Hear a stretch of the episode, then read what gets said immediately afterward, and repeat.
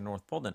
Jag heter Dea och nu är det dags för ännu ett avsnitt i våran serie Competitive 40K på svenska. Vi tänkte nu så här lagom när hösten kickar igång och pandemin har släppt lite av sitt grepp, låtit oss komma igång och spela turneringar igen, att prata just om turneringar. Vi har precis spelat färdigt Fantasia Fanatic nummer 40 och det har hunnit vara en del andra turneringar i Sverige och i Europa. Och då tänkte vi att det finns ju inte kanske en bättre person i Sverige just för tillfället att ta det här snacket med. Så vi har bjudit in Rickard Nilsson som inte bara är eh, en grym 40K-spelare, vann Fanatiken, men även hunnit spela ett par stora turneringar runt om i Europa och däribland London Grand Tournament där han slutade 28 av 600-ish spelare. Vi har även med oss Micke som efter en liten tråkig sorti från Fanatiken ändå ska hänga med och dela med sig lite av sina tankar. Så vi gör väl så att vi hälsar eh, Rickard mycket välkommen. Tjena Rickard! Hallå Andreas! Tjena, tjena! Och Micke har jag där i bakgrunden också, även om han hörs lite dåligt. Ja, som vanligt. Ja, men det är därför du har två bebisar hemma som vägrar sova, så då måste man göra sånt. Ja, men först måste vi gratulera till, till eh, vinsten i Fanatiken som har legat närmast här, känner jag. Mm, tack så jättemycket. Det var trevligt att komma upp och få med sig en buckla hem. Ja, men det är kul, kul att få sprida. Vi hade lite sämre med folk söderifrån den här gången, men, men eh, lite, lite, lite motstånd fick du ändå. Oh ja, absolut. Det fick jag. Det var tre matcher som kunde gått lite åt bägge hållen kändes det som och två där jag kanske hade en, en edge rent listmässigt. Och så mm. För då mötte du, du mötte, nu ska vi se, du mötte Dark Angel i finalen, för, som blev egentligen en ren final Ja, precis. Mot Tim. Dark Angels finalen och så dessförinnan var det Thousand Suns. Mm. Och den är inte helt lätt matchup så sett. Eh, men där tog motståndaren lite lång tid på sig så ja, då... Marcus får lära, lära sig att läsa regler innan turneringen. Det är ja, nej, men jag fick första turen också och lyckades uh, sätta bra press på primerin för det var ju ett sånt mission där man var tvungen att hålla två knappar för att få fem. Mm. Och jag tror kanske att han missade det lite när han redeployade bort sina saker och, och, inte fokuserade så mycket på att stå på mer än två knappar då. Och det var ju väldigt lätt för mig att om det kom någonting då till den tredje knappen så fokuserade man där för att ja, skrämma bort det som fanns där eller skjuta bort det. Så då kunde jag ju spela primaryt väldigt bra där i det missionet. Det är väl genomgående för alla eh, alla matcherna nästan och just den här typen av armé då, när du har så fruktansvärt mycket obsec och kasta bort på saker och ting. Man kan, eh, kan spela på primaryt ganska bra. Men vill du spela hellre 2-3 istället för 1-2 då? Om du skulle få välja? Mm, ja, bägge funkar faktiskt väldigt bra. Eh, om, det är, om det är en sån eh, udda antal knappar, att det finns en i mitten, då är det ju väldigt tacksamt för då är det ju, kan man ju fokusera lite på den och så mm. håller man förmodligen fler. Eh, men finns det, jag gillar, jag gillar faktiskt sådana eh, hålla två för att få fem. Eh, just att man kan spela i det här 20-0 systemet som det var på Fanatiken. Eh, när det gäller att denia motståndaren så mycket poäng som möjligt. Då är det ju lite angenämt att behöver bara i princip fokusera på en knapp så sätter du motståndaren på fem poäng. Liksom. Ja. Men sen mötte du Grey Knights också? Ja, precis. Grey Knight. Så det var den eh, tuffaste matchen skulle jag säga. Ehm, matchup-mässigt och hur det gick och sådär. Det var, var lite tufft. Och så ehm, sen var det... Sen var det eh, Necrons systrar med alla... Ja, Necrons första matchen och systrar med alla eh, Penitent Engine-chassina i hela världen. Ja, just det. Ja, vi tog upp den i LIS-podden lite grann, för den kändes, ja. den kändes kul om ett annat och lite, lite så annorlunda. Ja, men den stekte ju på bra. Han, han, eh, Johnny reservade två av sina flamer eh, squads, eller de som har flamers på sig. Och de plockar ju upp en blob var liksom, med det här strattet som systrarna har för att maxa antalet hits. Och så är det väl styrka 6 eller något för också. Så det steker på bra. Och hade han gått först så hade det nog inte varit eh, samma grej. Utan, eh, det, men det kändes samtidigt som jag hade lite marginal då. I vissa andra av de här turneringarna jag varit på på sistone då i London GT och nere i Holland eh, på Alliance Open så har det känts verkligen på håret ibland att åh oh, shit vad skönt att jag fick gå först här. Eh, annars hade jag inte kommit så bra som, som det gick då liksom. Men här kändes det ändå, ah, det var väl nice att gå först men jag hade ändå haft play om jag gick två här också. Ja men det måste vara ganska skönt att känna att man inte är beroende av den där första tärningsrullet Ja, precis. Och det är lite därför jag spelar det jag spelar också. Eh, just för att eh, jag har kört flygarlistan också med mycket Admec Flyers. Men går man tvåa mot något som skjuter bra då så ligger man under ganska mycket. Men kan man gömma blobbarna hyfsat bra så är det rätt okej. Okay. Och så kanske man får offra någon squad liksom. Men det brukar vara fine. Mm. Micke, vi pratade ju, när vi gick igenom listan där så pratade vi om att innan vi nämnde Rickards lista så pratade vi om att metat hade svängt lite grann och att det var mer MSU-liknande admec-listor och så sen kommer han med något sånt där och så går det ju jättebra också. Ja, däremot så när vi kollade på Fanatiken nu så de admec-listorna som fanns, de hade ju jätte, jättemycket gubbar. Ja, det var två andra med sådana special Forge Worlden med Vanguard, där Vanguards blev extra bra och massa ja, Vanguard. Exakt, jag mötte ju en av dem där också. Det var ju mm. ändå eh, väldigt mycket objekt du var tvungen att ta hand om liksom. Ja, Mm, man kan spela lite olika och det, det, är väl det som är kul med nya boken också. Eh, Själv har jag fastnat på det här just för att jag tog mig tiden att orka måla upp 120 stycken så sen känns det som att då får jag spela med det. Eh, och sen har det Ja, nej, men sen har det ju gått bra hittills. Liksom. Hade, det var ju en grej om man möter på i flera turneringar då att nej, men listan funkar inte för att jag möter på matchups som, inte gör, som, gör att, som är tailorade mot mig och det inte går bra. Då kanske man överväger att byta mot en flygarlista som verkligen gör sin grej bra eller en av de nya Skitari-kohorterna då liksom med bara massa Sicarians. Ehm, men jag har inte kommit dit ännu. Jag har flygarna, jag har Sicarians uppmålade, i alla fall ihoplimmade. Jag har 30 målade och har 30 till hoplimmade Sicarians. Vilka matchups är det du inte tycker om nu då med den listan som du har? Alltså teoretiskt sett är det Ork Buggies, ehm, men eh, jag har inte mött dem än. så jag vet inte. Men jag tror det. På pappret ser det bedrövligt äckligt ut. Om de går först med alla sina buggies med blast 12 skott var in i blobbarna med AP3 och skit. Liksom. Det, det är helt sjukt. Det funkade väldigt bra för mig mot uh, Almec-listan ja. med massa indirekt eld med minus två. Mm. Jo, men din lista känns också bra. Inte riktigt lika vidrig mattemässigt som orkerna dock. Det känns som att man har en lite skapligare chans eh, mot en Eldar indirekt lista. Men det är känslan i alla fall. Jag har inte mött någon Eldar indirekt lista ännu. Men Drukari har gått väldigt bra att käka upp. Det är därför ingen spelar Eldar längre, för att de är skräp. Nej, de är fortfarande helt okej. Det är aldrig givet liksom. Är, jag har torskat mot Drukari också, men om man kollar de senaste matcherna då så var det ju Ja, det var ju sju, sju rundor i Utrecht, en RTT innan Londons fem matcher, så det är åtta matcher i London och så fem matcher i Stockholms GT och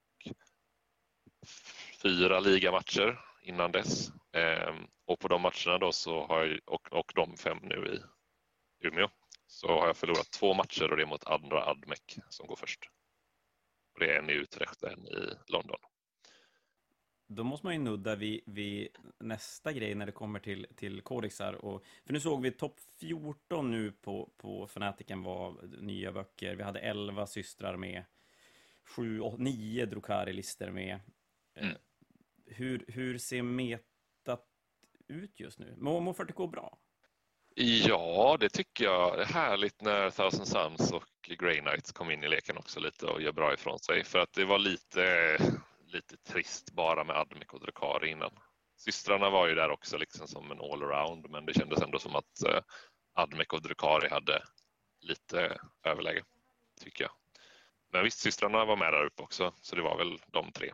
Eh, nu är det ju kul att de andra två är med också då liksom och leker och att Eldar har fått en liten, craft Craftworlds fått en liten renässans också, att folk börjar titta på dem igen. Okej, okay, vad, vad är det som de kikar på där som gör att de Nej, det är just den eh, listan som vi pratade om nyss med indirekt. Ja, det är det. Den har jag sett, eh, ja, den har jag sett ute i världen också. Ja. Så Micke, du trodde du hade trolat själv, men du har alltså bara kopierat internet? Nej, jag, det är svårt att se dem som inte kommer topp fyra, tänker jag. ja, vi ska säga det också för er som inte vet. Eh, Micke låg på en stabil, du låg tvåa inför dag två. Ja, exakt en poäng efter Tim som spelar Dark Angels och slutligen spelar final mot Rickard. Då. Eh, men sen var det en rygg som satte stopp för söndagen. Så då slängdes de lite grann. Ja, det var väldigt tråkigt faktiskt. Jag var sjukt peppad. Jag tänkte, hade jag bara vunnit, säg att jag hade vunnit 20-0 mot Tim bara, då hade jag slutat på två även om jag inte hade förlorat 0-20 eh, sista mm. matchen. Så jag låg väldigt mm. bra till, tyckte jag. Så, så är det ju definitivt. Men då, Fnaticen i, i sig är ju en turnering, men som sagt, du har spelat tre stora turneringar förutom Fnaticen nu efter sommaren, eller sen sommar, höst. Mm, precis. Och det är väl så mycket som jag tror någon har gjort här i Sverige i alla fall. Ja, det varit eh, i Utrecht var jag väl själv, nej vi var ju nere lite Harambe-gänget från Skåne var med också Mm. i Utrecht eh, och sen så var det ett gäng från Stockholmstrakten med i London. Inte samma personer då, så jag, jag är väl den som har varit runt på mest antar jag. Men det är alltid kul att ha, ha med några stycken. Ja, men så, jo, men så är det. Då slipper man hänga med massa holländare, det blir skitjobbigt. Men, men, och det har ju gått eh, bra. Ja, men det har det ju. Som sagt, två förluster. En draw i Stockholm, eh, två förluster. En i Holland och en i London. Och det slutade fyra i Holland. Fyra i Holland och 28 tror jag. Ja, 28 i London. Och det är 28 av sex, var det sex- 600? Var det så? Eh, ja, det var det.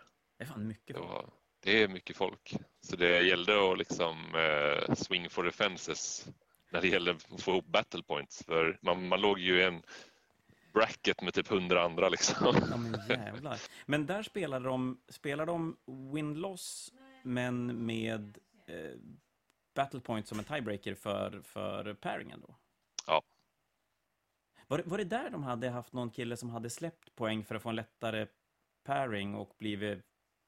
Det går rykten på Ja, internet. det var väl Manishima som gjorde det på någon annan turnering innan. Jag tror det var Gibraltar eller någon, någon annan lite mindre GT. Och att han, han körde ju eh, Admec också och Lucius och han, tror jag, och han reservade sina, last, sina to the last.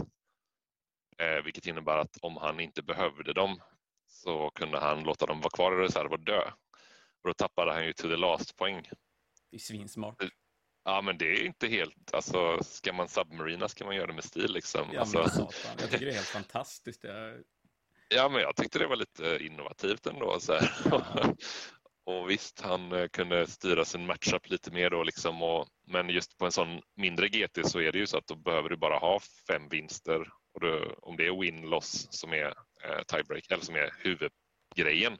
Mm. Och det bara kommer vara en undefeated för att du är, det är så pass få spelare efter fem rundor. Då finns det ju ingen idé att ligga där uppe och käka toppmotståndare om man inte måste. Om man nu vill spela det så då. Nej, nej, absolut. Jag... Nu skulle vi kanske vänta med Windows-grejen. Jag tror vi väntar, väntar med Windows-grejen. Jag har mycket åsikter, men det, det, det kan vi ta lite senare. Men, men hur ser det ut? Nu hade vi som sagt vi hade 11 systrar på 77 spelare, 9 Drukari och ni var väl, var ni fyra Admec-spelare kanske? Tre tror jag. Tre kanske bara. Hur, hur ser... kanske var någon som hade lite soppa också. Ja, det kan det vara. Hur ser föreningen ut i övrigt? Om man ser 600 spelare i London, är, är det... Mm. Jo, men det är ungefär samma. Det är systrar och det är Drukari. Där var det ju bedrövligt mycket Admec också i London. Eh, och sen har du också eh, något som vi inte såg på Fantasia och det är ju alla Contemptor Dreads då från Forge World som springer runt med dubbla Volkites och det är ju så man får Space Marines att funka nu för tiden. Eh, så de var ju är väldigt vanligt också att folk spelar. Hur, Men, eh, eh, ja, en del orker och necron, necrons ändå liksom ganska vanligt också att folk spelar. Så. hur snabbt blir det liksom farligt på de där 600 personers turneringen? Jag tänker det måste ju ändå vara en hel del spelare som kanske inte är supervassa om det är så. Det är högt och lågt. Är, man kan möta någon väldigt bra lite här och där också. För det är, samtidigt är det väldigt många duktiga spelare från hela Europa som är där. Liksom, så, och de slår ju ut varandra och rätt som det är så hamnar någon en bra bit ner som är jätteduktig men den gick tvåa mot Admec flygarlistan. Så man vet aldrig vad man möter eh, på sådana stora. Men eh, generellt så ja, det, det är väl en hel del som inte är så vassa också. Det är det. En del också som man, man märker liksom, aha, du har fått stryk av Admec precis och du är det mötte jag i, i, i Holland så mötte jag en eh, Drukari-spelare som hade alla möjligheter att spöa mig. Han gick först på helt rätt bord och kunde ha satt en jäkla press på min armé men han var rädd för Admec för han hade precis fått stryk av Admec så han spelade jättedefensivt vilket var jättemycket till min fördel. Så, sånt är ju lite roligt att psykologi spelar in så fruktansvärt mycket.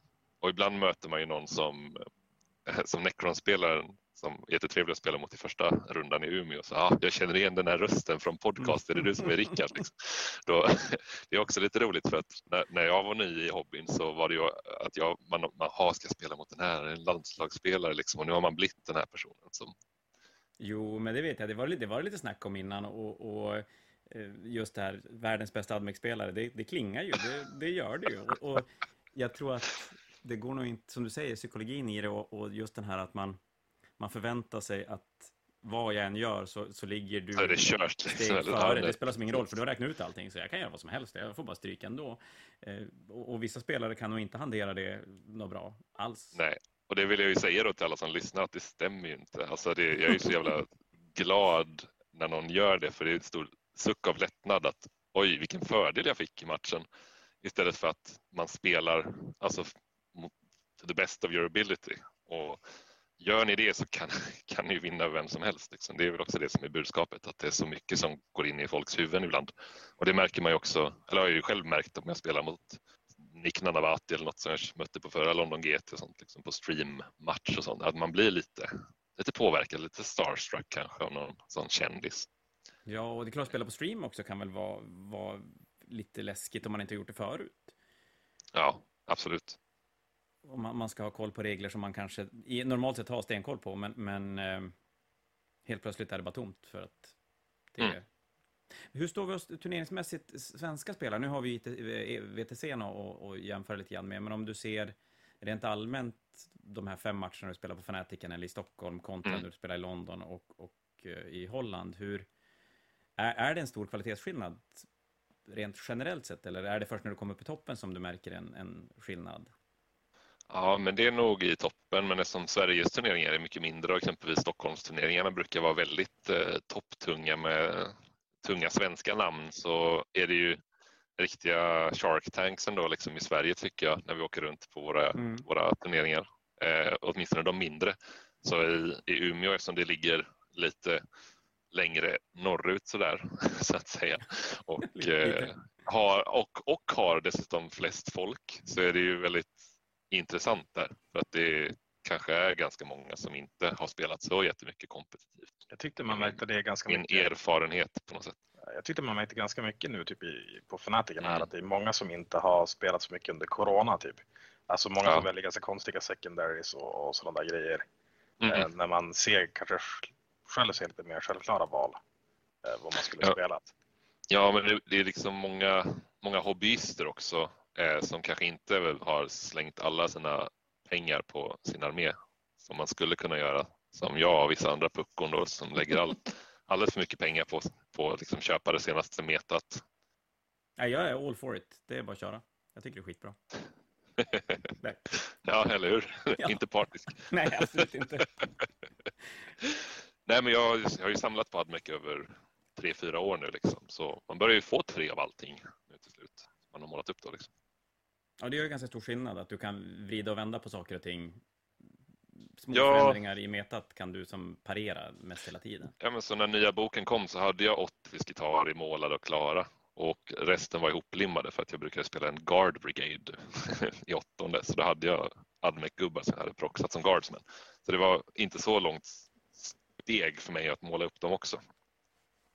Men jag skulle köpt dem och liksom limmat ihop och målat, det hade varit en pina om jag bara hade 30 stycken. Liksom. Så, ja. Ja, men det kan jag tänka mig. att det, det, men, men är det det som är bra, då, då får man ju som bita ihop och bara köra. Jag, jag tycker Daniel Hesselberg sa det bra, eller han skrev det, han har äntligen mm. fått sitt pris från förra fanatiken. Uh, och så skrev han att äh, men bucklan det spelar inte så stor roll, det är ju, det är ju bra med rankingpoäng där uppe i alla fall. Uh, ja. Det är klart, när vi är många, men jag pratade med en lokal spelare som, som sa just ja. att han tycker att det har blivit, det har blivit hårdare eh, än vad det var. Och det är klart, mm. sakta men säkert så, så lär man sig ju av att man spelar mot folk som, som är bra. För tidigare, i alla fall innan corona, så var det ju ändå en, en ganska stor drös eh, ja, gamla ETC-spelare och grejer som kom upp och spelade. Och, och... Ja, några finländare och lite sådär. Så det, det var... Ja, och, och mm. så lite. Vi hade ju under, när Iron Hands var som absolut, absolut hetast, innan de blev nerfade, mm. då, då hade vi väl typ fem finnar från från finska ETC-laget över och spela också. Ja. Och, och det, det, påverkar ju. Så är det. Men som sagt, nu har vi spelat, Fanatiken spelar vi 20-0 system. Jag vet inte hur Stockholm, var det, var det win-loss eller 20-0 win-loss? Jag för mig det var 20-0 också. Ja, för jag, jag, jag hade flest, jag hade bäst win, win-loss bracket, men eh, Kalle som jag eh, vann över i finalen hade mer battle points. Så det var ju battle points som spelade roll. Så så var det där också. Men det fattade man inte riktigt, eller jag fattade det lite sent för det var den första 20-0 turneringen som jag har spelat på nu. Eh, känns det som i alla fall. Ja, du har varit mycket ja, i södra Sverige har det blivit ja, mycket win-loss. win-loss tidigare i Göteborg och sånt. Liksom, mm. Inte så medvetet tror jag, utan mest för att det var så vi alltid har gjort. Eh, så nu när det har börjat komma in mer 20-0, då måste man ju verkligen tänka så här, just det, fan, jag måste ju, jag måste ju försöka denia poäng också. Jag kan inte bara sitta ja. i mitt hörn och veta att jag vinner lite, lite grann. Liksom. Och det var ju en riktigt rolig, så det var en, Umeå är nog den roligaste turneringen jag varit på så sätt för att jag måste spela i varje runda hela matchen.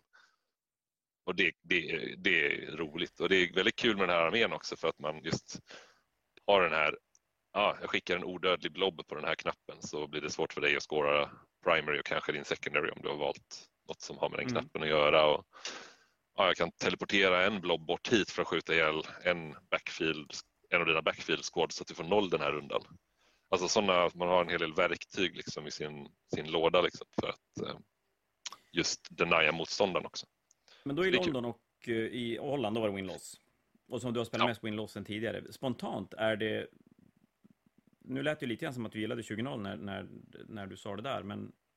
Ja, föredrar absolut 20-0. Det är alltid lite så här också...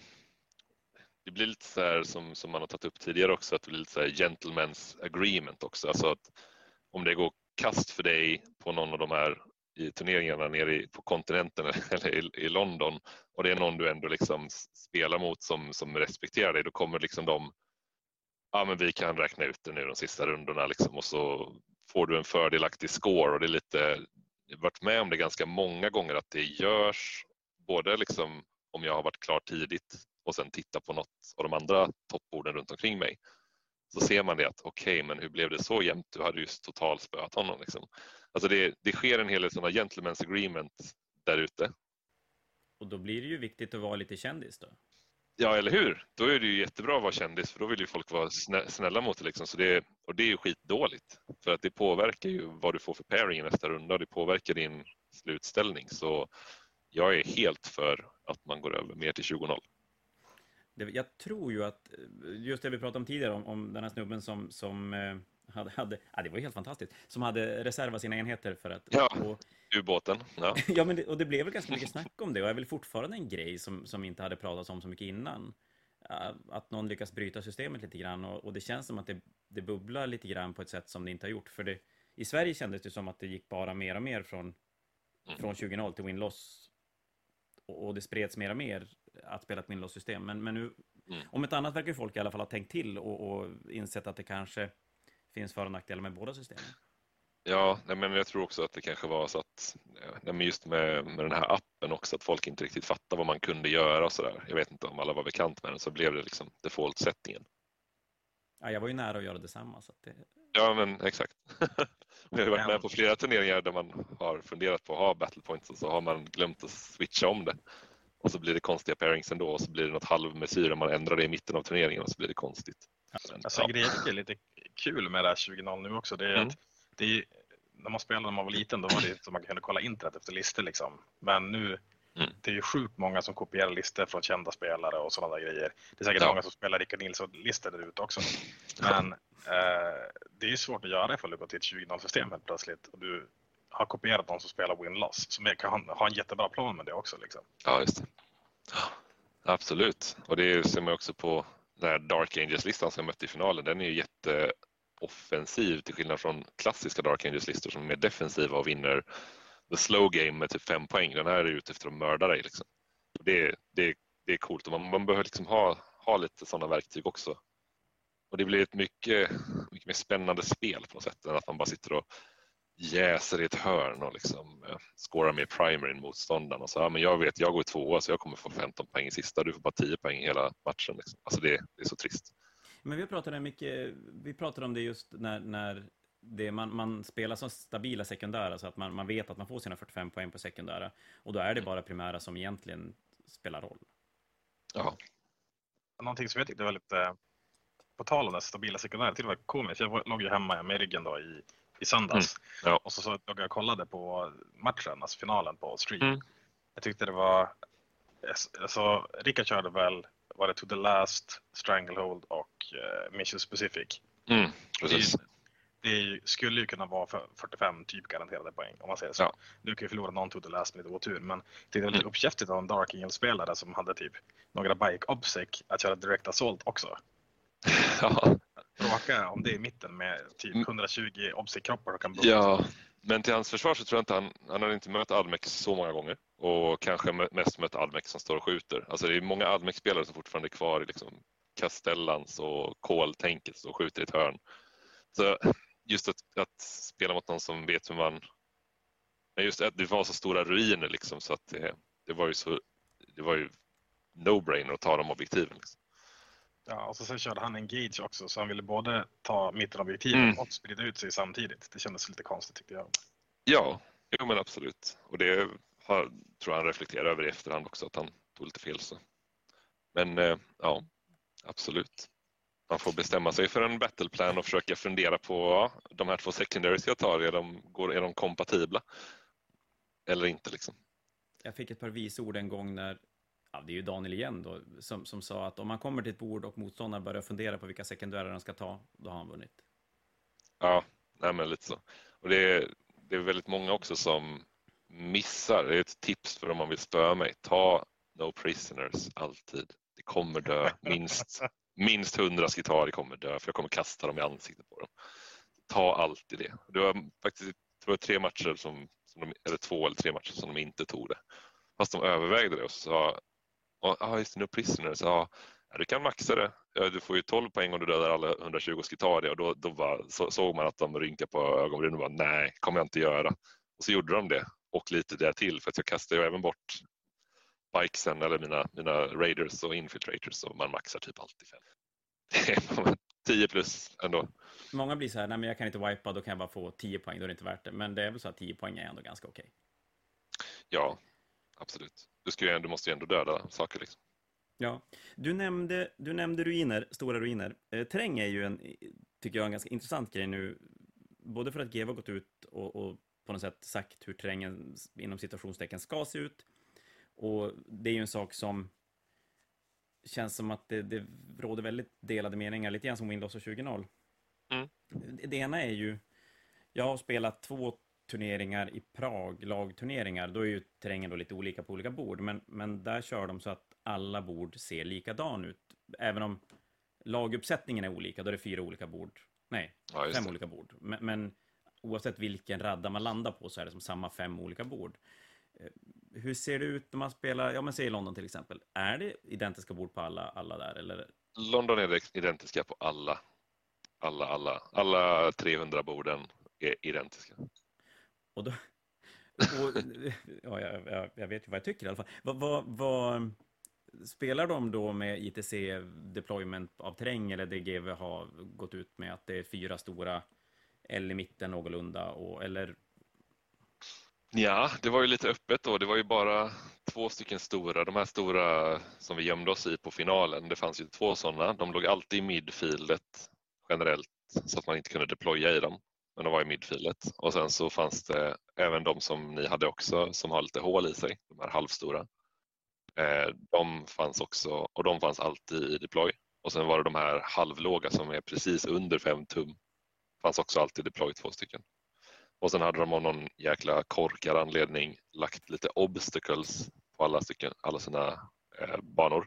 Så det fanns så här, små ruiner, så här, ruined walls. Just, och så stod det i regelpacket att de är strategiskt utplacerade för att eh, just göra skytte svårare i vissa firing lanes, för det var ju väldigt öppna bord på London GT. Men de hade missat att det inte är area terrain de hade definierat det som. Så att den gjorde ingen effekt.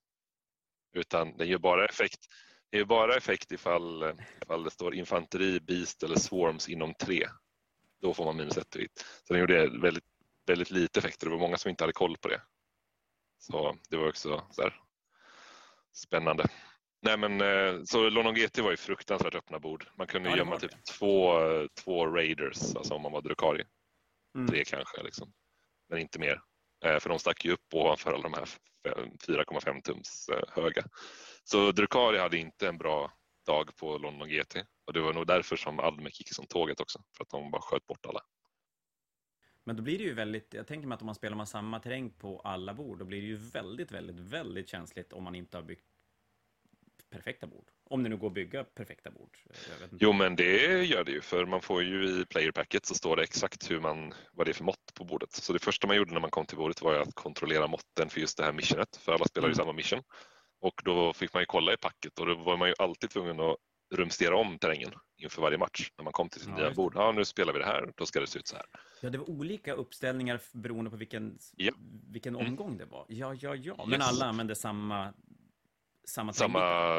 Samma, samma terrängbitar, helt rätt. Och så Mm. rumsterar man om dem då. Och det var väl en liten feedback till, till er då, liksom att vissa missions, eftersom ni inte bytte terrängen, blev ju lite skumma. Att okej, nu ligger alla objektiver öppna. Helt plötsligt. Det är ju, den är Eh. lite intressant och lite grann hur man ska kunna lösa den om man ska spela färre olika missions där, där objektiven inte flyttar sig lika mycket. Jag är lite lur på om man ska skippa kortsida, kortsida för att terrängen inte ska bli helt knasig i en match. Mm. Precis, jag tror Stockholm gjorde, de, hade, de bytte om terrängen efter dag ett. Så att de körde, i dag ett körde de liknande Mm. missions tror jag. Eh, och sen dag två körde de andra liknande missions. Men jag hörde det- GT, oh, sorry. Och det tror jag Utrecht körde också, de hade ju tre dagar. Så Mm. eftersom det var sju matcher i GT på Utrecht så hade de Dag ett så var det Dawn of War Deploy. Dag två så var det Snedeploy med, med så här quarters och eh, snea och dag tre så var det Hammer and Anvil. Någonting sånt. Så Mm. körde de liksom de två missionsen, de tre missionsen, de tre missionsen som hade just den deployen och då gjorde man om borden inför varje dag. Då, liksom. så, och då funkar det ju väldigt bra. Men då Micke, ska du få lufta din grej nu? För här, nu, nu har vi tänkt. Jag sitter ju och slaviskt lyssnar på poddar. Jag lyssnade på någon, om det var John Lennon eller någon som hade varit på en sån här GT i USA. De körde player place train. Det tyckte jag lät ganska intressant. Ja, det måste ju vara helt vilda västern. Eller? Ja, nej, men alltså, det måste ju vara någon sån här grej då. Alltså, jag vet inte exakt hur de gjorde det, men att de körde varannan Ja, bit då. precis.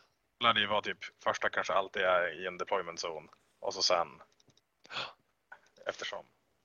Ja, det kan nog gå, men då måste man ju lägga på en kvart till i alla fall då på matchtiden, tror jag. Annars blir det tajt. För alla stackars orker och hård admec-spelare som inte hinner spela klart annars. Eller, eller Thousand Sun-spelare som inte kan sina regler. Ja, men han var som en lite sån gammal trollkarl som bläddrar i sina böcker och papper så här liksom. Nu ska vi kasta den här och den här. Nej, men det var, Fantastiskt. det var lite roligt. Ska alltid ha med mig. Men, ja men terrängen, jo men för terrängen är ju alltid en sån, sån, både en vattendelare när det kommer till vad folk vill ha för någonting, men, men som du säger, just det här, olika deployments, olika typer av terräng.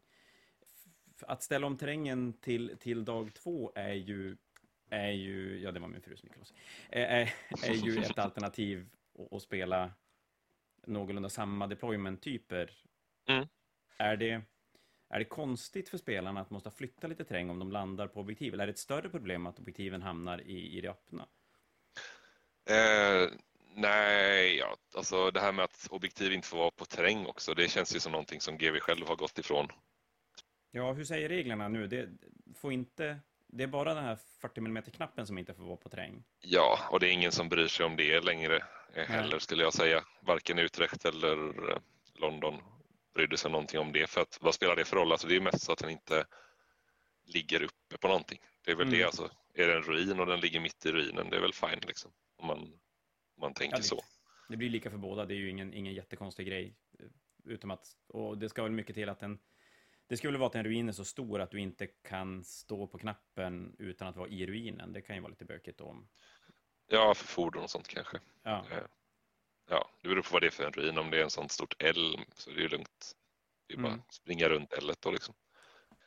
Nej men alltså det har inte varit något problem heller liksom att eh, både, både i, i Utrecht och London fick man kolla i player packet eh, för att se hur terrängen skulle stå. Och då hade de fina terrängkartor då liksom. De hade mätt ut, men det är för att de hade standardiserad terräng. Eh, I Utrecht var, om det var 200 spelare eller någonting sånt, så hade de åtminstone på de första 100 borden samma terräng. Mm.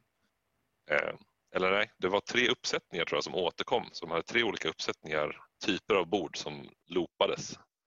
Så det var ändå, det var, alltså det var liksom ändå, när du spelar två matcher på en dag, fast det var samma typ av deploy, så kunde du hamna på två olika bord ändå med två olika terrängsätt. Liksom. Så om man kan göra det så, så är det ganska nice också. Hobby, hobbypersonen i mig, vilket är en större del än, än tävlingspersonen hos mig.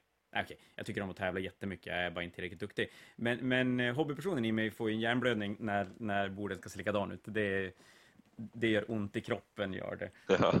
men, men eh, man måste väl hitta någon sorts, i så fall hitta någon sorts mellanting mellan att det ska, det ska funka och att det ska vara ungefär likadana ja. bord med att det kan se lite olika ut. Men i år tyckte jag det var bra terräng på uppe hos er. Eh, tidigare, jag har varit med en gång tidigare för, innan corona och då var, mm. var det vissa bord som var jätteöppna och bara hade kullar och sånt. Liksom. Ja, vi har ju haft, nu, vi har väl varit då, kanske vi var 90 personer, nu var vi drygt 80. Och ärligt är det så att terrängen vi har, vi har jättemycket mer terräng, men den terrängen vi har mer av, det är väldigt mycket gammal terräng som funkar bra att fylla ut bord med, men det funkar inte bara att spela med sån terräng, för då blir det ganska så små, smala, höga eh, losblock-grejer som inte ger så himla mycket nu. Och jag känner väl att fylla på med kanske 30, 30 lite större ruiner nu skulle kunna göra borden rätt perfekta. Mm. Ja, absolut. Det är ju alltid det här lösningen, frågan hur man ska, ska lösa. Eh, men jag tror kanske att skippa kortsida, kortsida i alla fall, för det är ju ett ja. Sen är det ju liksom så här roligt att få ja, eh, tänka lite på stående fot också. Att aha, nu hamnar jag här och det här borde se ut så här. Shit vad mm. spännande, mm. vad ska jag göra nu? Då blir det helt plötsligt viktigt att vinna roll-offen för sida och ha ett tänk kring hur du ska spela runt terrängen. Ja. Och det tycker jag om också. Så jag har inget emot att åka på turneringar där det är lite så varierande kvalitet på terrängen faktiskt. Det tycker jag är ganska kul. Sen är standardiserat också det är nice också liksom. Men eh, jag gillar bägge.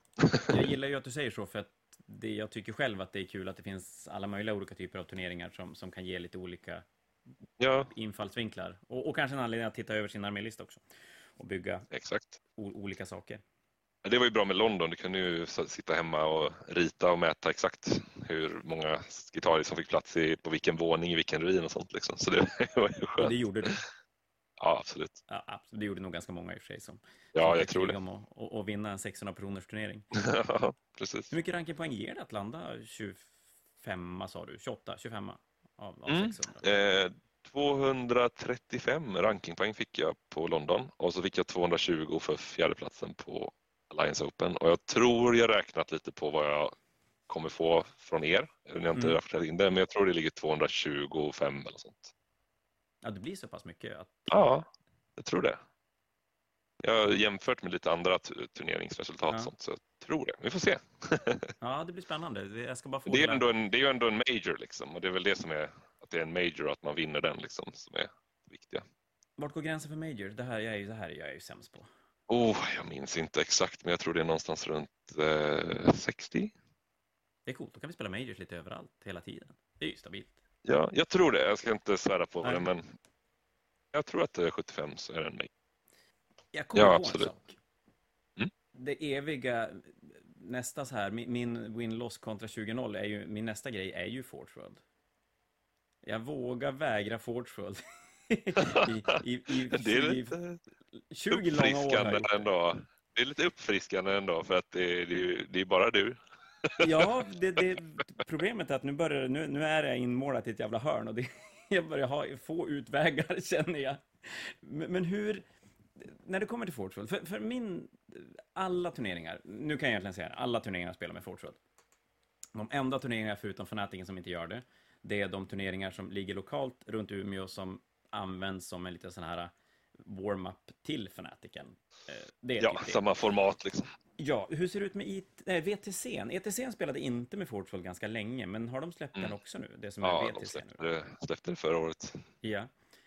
Och, och, då kommer ju frågan, förmodligen är det så att jag kan inte hålla emot längre, det, det är så, så, så, är det bara, och så är det med massa nya regler. Men, hur stor skillnad, för argumentet för Fortfall från de flesta, det är ju att ja, men det är massa roliga gubbar man kan stoppa in och spela med är det så, eller är det bara att man, man kryckar de arméer som är lite sämre? Det är det senaste brutna som du får in. Det är Relic Contemptors liksom för Space Marines. Yeah. Och alla Chaos Marines, alla, alla kör dem. Så är, du får in lite så här brutna grejer som inte kostar rätt. Eh, tidigare så här om editionerna, om man tänker så här sjunde, åttonde, mm. då kändes det ju lite mer som att det var, ja men jag har lagt massa pengar på att köpa den här coola Tau-roboten. Jag vill spela med ja. den liksom. Och det väl, var väl fine liksom, och, eller den här coola Eldar-flygaren eller vad det nu var. Eh, och, och, det är ju nice, men nu känns det, eller där jag åker runt så är det ju bara liksom, så här, det här är bäst, därför tar jag det. Och så är det förmodligen Kina att, Recast. Oh ja, alltid Kina Recast. Ja.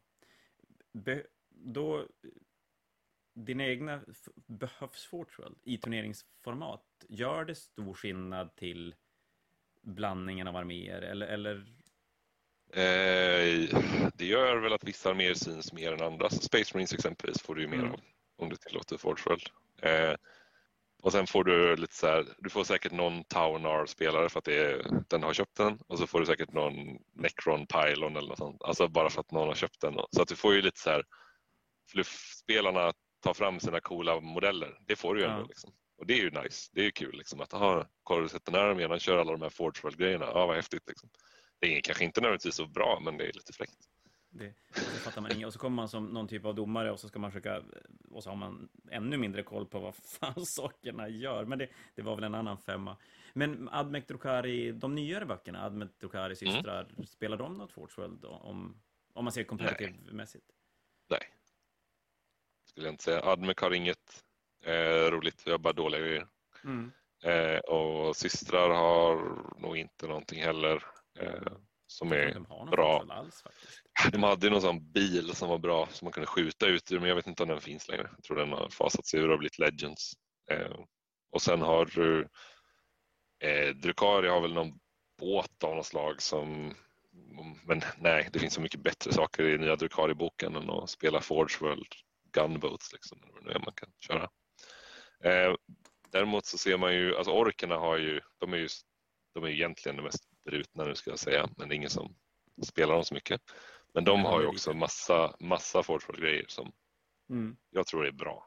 Eh, och sen har du dimakaroner från tyranniderna ja. som gör att de blir faktiskt spelbara. Jag ja, tror inte det finns så... ganska crap till att bli rätt okej. Ja. ja, absolut. Så det, och det är roligt med lite tyrannider. Eh, Necrons finns lite vehicle builds man kan köra med sådana Tesseract Arcs som är typ någon sån command barge fast skjuter och sånt. Liksom. Så det finns lite olika. Och Custodes då? Ja, Custodes givet för de, de har så mycket bra ja. grejer. Eller det går såklart, men det, de har väldigt mycket bra. Ja, de, de har väl lite problem. Nu är väl det en bok på väg där, ska jag kunna tänka mig inom, inom en, någon månad bara, ser ser det ut som. Okej, okay, ja. ja. De får väl någon, någon expansion i alla fall nu med Tyrannider och Guard. Men frågan är om de släpper nya böcker eller bara om de får skit till befintliga. Ja, det, det, finns rykten om att det ska komma en Custode-kultlåda eh, till jul och så att den ska följa med ja. som Thousand Sun Grey Knights, att det ska följa med, med böcker till den. Ja, just det. Och så kommer kampanjboken lite innan, precis som det gjorde för eh, Admec och systrar. Ja, eller som Drukara, att den kom samma helg. Samma, ja, precis. samma dag. Kanske till ja, just det. Drukari och Admec med det, precis. Fick, fick yes. brutna saker på en gång. Det, ja, eller hur? Då får, jag, då får jag säga till alla att jag, jag har tänkt mer positivt i Fortfull-svängen nu än tidigare, för det, som sagt, det börjar vara svårt att, svårt att vara den som, den som nej, vägrar. du får ju Knights, du får ju Magera Knights också, så Imperial Knights blir spelbara lite mer också. Så, mm. nej, jag tror det är en bra grej, för att det ger lite mer options till vissa lag som inte har något, men det är i de kretsarna jag rör mig så är det ju bara att man tar det bästa ändå. Liksom, tycker jag. Men samtidigt är det inga av de bästa lagen som behöver det just nu. Eh, så det är väldigt vi, eller de bästa lagen har inget Forgeworld-grej som är bättre. Så det finns väl helt okej okay Forgeworld-grejer för vissa av de bra lagen men eh, nej, man tar inte dem. Liksom. Det är nej. Marinesen och eh, Dreadsen då, liksom, som är vanligast. Mm. Då, då, ska jag ta mig jag har ett halvår på mig att fundera. På, eller ja, tre månader på mig att fundera. hur det, hur ja, men gör det. Göra. Du får lägga upp en omröstning. Nej, då får du skriva att det är bara en rådgivande, inte beslutande omröstning. Ja, den, den, är viktig, den är otroligt ja. viktig. Annars har man verkligen målat in sitt hörn. Så är det helt kört. Ja, eller Men hur? jo, Om det- hela Norrland bara, nej, vi vill inte ha Forgeworld, då blir det inte Forgeworld. Nej, exakt. Det, jag har väl, tidigare så var jag duktig på att bestämma hur jag ville ha det och så sen vägrade jag. Men har väl kanske insett att jag spelar ju inte turneringen själv, så att Ja, jag skiter ju faktiskt fullständigt i vad... vad- Egentligen spelar det ingen roll vad jag tycker. Det är ju bättre att alla som är med har, har kul. Ehm, Jag, är väl lite orolig kanske för de, de... Om det är så att det kommer saker som Mm. man måste ha med för att det ska funka, att de som inte orkar ha råd kan sådär, att det blir helt plötsligt för mycket att ta in. Jag, jag, jag Ja. tycker många gnäller över att det är mycket regelböcker man måste ha koll på och så sen Ja. tycker man ändå i nästa andetag tycker man att Fortworld ska vara med och det, det är en så konstigt Ja. för mig. Det är lite nästan så illa nog känns det som med Admec exempelvis och alla regler att hålla koll på där liksom för en motståndare. Så det är liksom det är bedrövligt nog som det är med vissa av de nya böckerna. Att hålla koll på systrarnas alla jävla förmågor och eh, alla Grey Knight och Thousand Suns spells är ett helvete liksom. Eh, så det, är- det är redan ganska illa så några saker till är nog ganska lugnt. Men hur är det som, som luttrad turneringsspelare? Kan du alla grejer som är relevant i de nya böckerna? Eh, Eller de böcker som du behöver kunna hantera under en turnering? Ja, men det skulle jag nog säga. frågor? Nej, jag läser på alltid. Mm. Eh, Jag är ganska asocial faktiskt på turneringar så jag sitter liksom inte och tjötar med folk mellan matcherna. Utan jag sitter i mitt hörn. Vinner istället. Eh, Nej, men jag sitter i mitt hörn och läser på min troliga nästa motståndares alla stratagems och allting. Det är det jag gör. Så jag sitter på Wahapedia och kollar vad har de för strats. Jag bygger deras arméer i Battlescribe, kollar stats, funderar på target priorities, kollar vad är farligast mot mina blobs. Liksom. Det är så, jag låter ingen tid gå till spillo när jag är på en turnering för att förbereda mig för nästa match. Och även då eh, mellan dagarna givetvis så är det det jag ligger och läser på hotellrummet och även eh, innan en turnering om det kommer en ny bok så ser jag ju till att åtminstone ha tagit en kik i den. Liksom. Kanske jag inte hinner alltid då men då, då är det ju ännu viktigare att ta sig tid på turneringen om jag vet att okej, okay, nu gick det bra i min match. Jag har två timmars lunch, jag kommer förmodligen möta orker. Okej, okay, då vet jag att, vad jag kommer sitta och läsa. Mm. Micke, det här låter ju som du. Jag håller på hela tiden också. Men det känns ju som typ att eh, det, är, alltså det är så sjukt mycket regler i det här spelet. Det är Ja. omöjligt att, att kunna allting utan till så det, man måste nästan göra det för att kunna göra Mm. liksom vettiga beslut i matcher överlag. Absolut, och då det blir man ju bättre också då, att istället för att jag bara liksom skiter i att läsa på och säger att jag har aldrig mött ork, jag har ingen aning. Och så får jag stryk av dem. Okej, jag, okej då. Jag, jag hade ingen koll på vad som hände liksom. Jag bara Mm. dog. Hur blir du bättre på det liksom? Det blir du inte. Utan, men om du däremot har läst på så att du vet och hänger med vad är det som händer. Då kan du dra mer slutsatser och ditt pussel i huvudet blir mycket bättre kring vad orker kan göra och inte kan göra. För du kombinerar liksom praktik med teori på något sätt. Istället för att bara, jag har ingen aning om varför jag förlorar, jag blir bara överkörd. Liksom. Det är ju bara tråkigt. Jag kan tänka mig att det blir lättare och lättare ju oftare man gör det också för att det blir lättare Absolut. att se vad man behöver ha fokus på och vad man kan bara skita i för det här är bara skräp. Det, Ja, och till slut när du har mött då Grey Knights, nya Grey Knights tre gånger och vunnit alla gånger då exempelvis, då Mm. blir de inte så jävla läskiga längre för att du, du har liksom mött det värsta. Du har gått tvåa mot dem, du har gått etta mot dem. Liksom. Du, ja, du vet vad, vad saker och ting gör och du vet hur de brukar spela sina trick och du vet hur du ska baita ut deras teleport på sina jävla Dread Knights och sådana saker. Liksom. Eh, så man lär sig sånt. Eh, det, då är det bra att ha läst på också så att man vet lite mer om allt de kan göra. ja, det låter som ett, ett väldigt vettigt tips att ta med sig om man, om man ska bli bättre på att spela. Ja, för allt finns ju. Man måste ju inte pirata ner böcker längre och försöka leta efter inskanningar pdf utan Wahapedia lägger ju upp allting i princip. Så Ja, lär är man sig lär man, ja, ja, absolut. Så lär man sig navigera den sidan och om du har Battlescribe som är gratis så kan du ju, jag brukar ju då då bygger jag liksom listan i Battlescribe, kollar stats och sånt liksom Mm. och, och regler och warlord traits och relics. Men just stratagems så får man ju leta upp då. Och Wahapedia. Jag passerade dig när ni spelade, undrar om det var första, det var antingen första matchen eller sista matchen. Det var nog Mm. första matchen. Då du gick igenom din armé med, eh, med din motståndare. Och, och det är ju inget Ja. konstigt i sig, för det, det gör man Mm. ju. Men det jag tycker var så kul att se, det var just det här, eller höra, det var när du gick igenom vilka stratagems som var relevant för din armé. Och, och verkligen så här, ja, men du tar bort alla så här gotcha moment Ja. för din motståndare. Och har, har jag den tiden innan en match så gör jag det jättegärna. Jag tycker det är jättekul och liksom dra hela min armé, visar alla mina färgglada markörer, vem som har vilka abilities och, och sånt. Och det, jag vet inte om, det, om motståndaren tjänar något på det, för ibland blir det bara information overload och så bara ja, ja, ja, liksom. Eh, så det kanske bara är förvirrande och till min fördel egentligen att jag trycker in hela Admec-boken i huvudet på motståndaren innan matchen. Jag vet inte om det är bra för dem.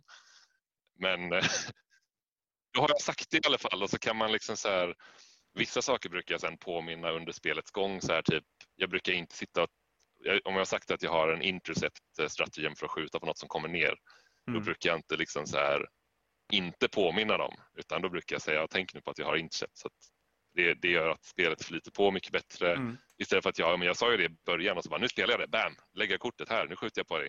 Du får inte, liksom... har du deployat klart? Har du deployat klart? Och så bara, ja, nu kör jag det, det är lite trist.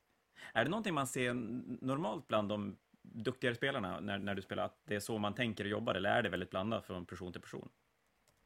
Alltså, vissa saker kan man ju också så här, hur ofta ska man säga det liksom? Som, jag vet inte hur många gånger jag har åkt på Armor of Russ-niten mot Space Wolves liksom. Alltså att man slår sist mm. när man kör, alltså att de kan heroica sex tum och sen får det att slå sist. Alltså, jag har åkt på den så många gånger liksom, jag har fortfarande inte lärt mig.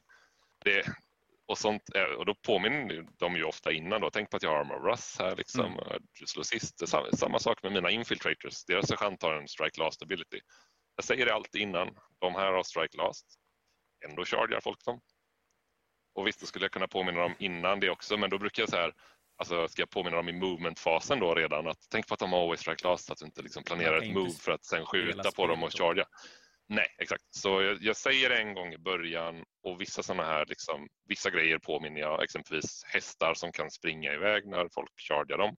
Den brukar jag påminna. Och intercept, men ja, Always Strike Last har ju en markör som jag brukar lägga ut också. Liksom, så får de väl kunna läsa. Liksom. Ibland glömmer de det också. Det är, det är kul att se. Jag tyckte det var ganska sjukt ändå. Jag hann ju på spelat tre matcher men eh, jag mm. frågade ju alla mina motståndare. Ja, men vad vill du veta om armén? Så ska jag gå igenom det. Alla bara, nej, nej men jag kan den. Det är lugnt. det, här, alltså, det känns ändå som att folk är ganska pålästa nu. Inte för att jag är så avancerad armé, men mm, mm. ändå. De har blivit spöade av Drukari så många gånger att de vet. Förr eller senare fastnar det. Och så är det väl, folk är ju mer pålästa nu än tidigare. Internet gör ju det. Samtidigt så är det ju så liksom att jag spelar ju ändå en hård lista. Jag behöver min tid. Mm. Eh, nu med jag har gjort movement trace och jag har portionerade tärningar och sånt och det hjälper väldigt mycket. Eh, men jag hinner inte gå igenom en kvart om vi kommer till bordet precis när vi ska börja spela. Då hinner inte jag stå en kvart och berätta allt om min bok. Utan då kanske jag frågar, eh, har du mött Admec förut? Eh, och säger de ja, jag har hyfsad koll, okej okay, bra, jag har markörer för mm. allting, fråga något om det är något under, under gång och så får vi börja. Liksom. Om det inte är så att de alla har mött, är det någonting, om, om, och du har ganska tajt med tid, är det någonting som du brukar säga, det här vill jag berätta, för det här är verkligen en sån sak som folk bör veta, eller? Nej, det är typ intercept stratagem, hästarna kan fly, jag kan autopassa moral för ett command point. De kan skjuta bättre för två command point, de kan skjuta bättre för två command point, de kan slå bättre för tre command points. Typ. Och det är, sen har jag sagt allt som jag kommer använda, jag har inga mer liksom, grejer. Eh, och så typ, ah, jag kan ge dig strike last om du genom en attack freeze. Ja. Det, ja, men jag tycker ändå det, det, är ganska skönt att se för att det blir ju lätt en, mm. en allmän sån där åsikt är ju ofta att de duktiga spelarna spelar och, de, och det är tråkigt spel och det är gränsat till fusk och, och, och mm. sådana saker. Men jag tycker verkligen inte det är sånt man ser, utan jag nästan, eller raka motsatsen egentligen, att man oftare ser det där, att, att små tips istället Ibland, ja, ibland ser man ju liksom så här, men det kanske är för att det är olika Italien. kulturer, att ibland måste man fråga tycker folk. Och som mot Dark Angels i sista matchen, jag frågade inte någonting. Jag sa väl, att, jag sa väl kanske att jag hade hyfsad koll, vilket jag trodde att jag hade. Och sen så kommer den jävla flyern och släpper en bomb så att jag inte får fallbacka. Och så har han en granatkastare på apotekarens bike som gör att jag inte får fallbacka. Och det kunde han ju kanske sagt då. Eh, fast det, om jag nu sa jag säkert att jag har koll så jag förstår varför han inte sa det. Men det är ju verkligen sådana här grejer som folk behöver ha koll på när de möter hans armé. För att annars blir det ju så här, aha, okej, okay, och där förlorar jag. Att han kan så, låsa upp eh, enheter som du inte trodde han kunde låsa upp. Tur var hade jag en teleport som jag, som jag berättade om men som han glömde eller att jag hade eller inte visste att det funkade på det sättet. Så jag kunde ta mig ur den knipan. Hade jag inte kunnat det så tror jag inte det hade varit så. norra Sverige nya regler också i den matchen.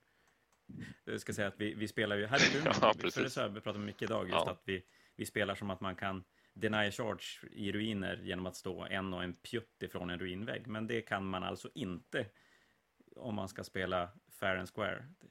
Nej, det är just att det blir problem då för att det är sån, sån ful grej att göra. Liksom. Eh, att möter du då, eh, som i mitt fall, infiltrators med 40 mm baser så kan du stå då på, ja, men du kan stå över en tum ifrån väggen och jag får fortfarande inte plats. Och då kan du, blir du ochargebar. Jag kan inte komma inom engagement range för att jag kan inte stå mitt i väggen. Så det är därför VTC-facken och ITC och alla har kört sådana regler att man kan, du väntar och resolvar liksom pile-ins och consolidates och allting och alla attacker och så kör du dem virtuellt. Och sen, hur gör man om man inte rymmer? Vi säger att det inte händer så mycket i den här striden, så man bara står, man fastnar som. Hur gör man då om man fortfarande står i väggen? Och så får man bara ställa gubbarna bredvid? Då står man i väggen. Ja, man, man ställer dem virtuellt. Liksom. Ja, okay. Han står i väggen, han står mitt i väggen och då får ju motståndaren kunna chargea från bägge sidorna då liksom och, och så. Det känns dumt att bli straffad för att du har 28,5 mm baser istället för 25 mm baser. Ja. Den... ja, men det är ju verkligen en sån här regelteknisk, så här, nu fuckar jag dig med spelmekanik. Det har ingenting Nej. med liksom, den här simuleringen av en strid att göra, utan det är bara... Ja, det är så vi jobbar i Norrland, vet du. Det är det enda sättet vi kan vinna. Att, det. Man kan göra. Men... Ja, eller hur? Nej, men om alla spelar med det så blir det ju en taktisk grej och då är det ju fine. Liksom. Det är ju lite värre för Space Marines. Så är det ju. Ja. Nej. Då, då tänker jag att jag ska avsluta med en sak som riskerar att bita mig i arslet något så jävulst. Men, men eh, jag, är, jag är inte större än att jag kan ta sånt. Eh, vi hade en regeldiskussion på Fanatiken eh, som mm. säger det här med att slå i slutet på Fightface kontra att slå efter alla enheter som får slå har slagits. Vem slår sist? Hänger du på vad jag... Vad jag... Det finns en del strategier som säger att man slår igen i slutet på fightface. Och mm. har ju... Vad är det Drassar som gör det mycket? Nej, han slår oavsett. Det är Arkonen som han sa. Han slår på sin egen vaktering. Men de har någon annan som slår i slutet på fightface. Och så kontrar vi den med typ Armor Rust då, till exempel, som säger att man ska slå efter alla andra har slagit. Vem slår sist? Spontant skulle jag väl säga att Always Strike Last slår, slår sist, eller slår före yeah. ändå Fight Face, för det är ändå i jag Fight Face. Jag rolar det som att alltid slå, att slå efter alla andra har slagits, slå sist. Men det finns ingen sån där, det finns ingen fack eller så här spelar man på det eller? Nej, nej jag vet inte. Att du nej, inte nej, vet. Det, Ja, att du inte vet då, det, det, det känns som att då var jag okej okay med att rola åt ett håll och behöver inte skämmas för den rolingen. Ja, ja nej, jag har inte helt koll. Däremot så är det ju väldigt spännande med den Always Strike Last och sådär, Always Strike First och att det är många som inte, ja men dels är det många som inte vet att man slår först om det är motståndarens tur, om man inte slår som vanligt och tänker de att det gäller på om bägge har always mm. strike first också, men det gör det inte, utan då är det den som den aktiva turen som väljer först. Och samma med always strike, både first och last. Då är det den aktiva spelaren som väljer först. Lite rörigt, och så kan jag tycka att GW kanske skulle klämma in i så fall en end of fight face som en egen liten fas i fight facen, eller någonting. För att göra det tydligare. Eller hur? Ja, om de nu tvångt ska ha olika wordings på det. Eller som en grej och sen får helt enkelt ens tur det är välja vem, eller vänta, blir det motståndarens tur som... Den som ska välja först får helt enkelt välja först och så, så kör man varannan enhet.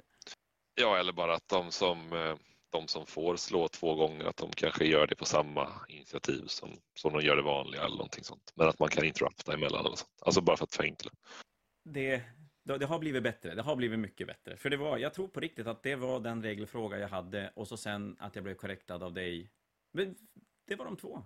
Det, och det är ganska nice på, på ja, det var skönt. Fem gånger massor med matcher. Det, 75 det, spelare över fem, ja eller hur. Men du, det var ju supernice att höra lite, lite om turneringar och, och lite allmänt 40K-snack, tycker jag. Eh, vi säger väl ja. tack för ikväll och så sen får vi säkert återkomma längre fram ja, med, med mer, eh, mer 40K-snack.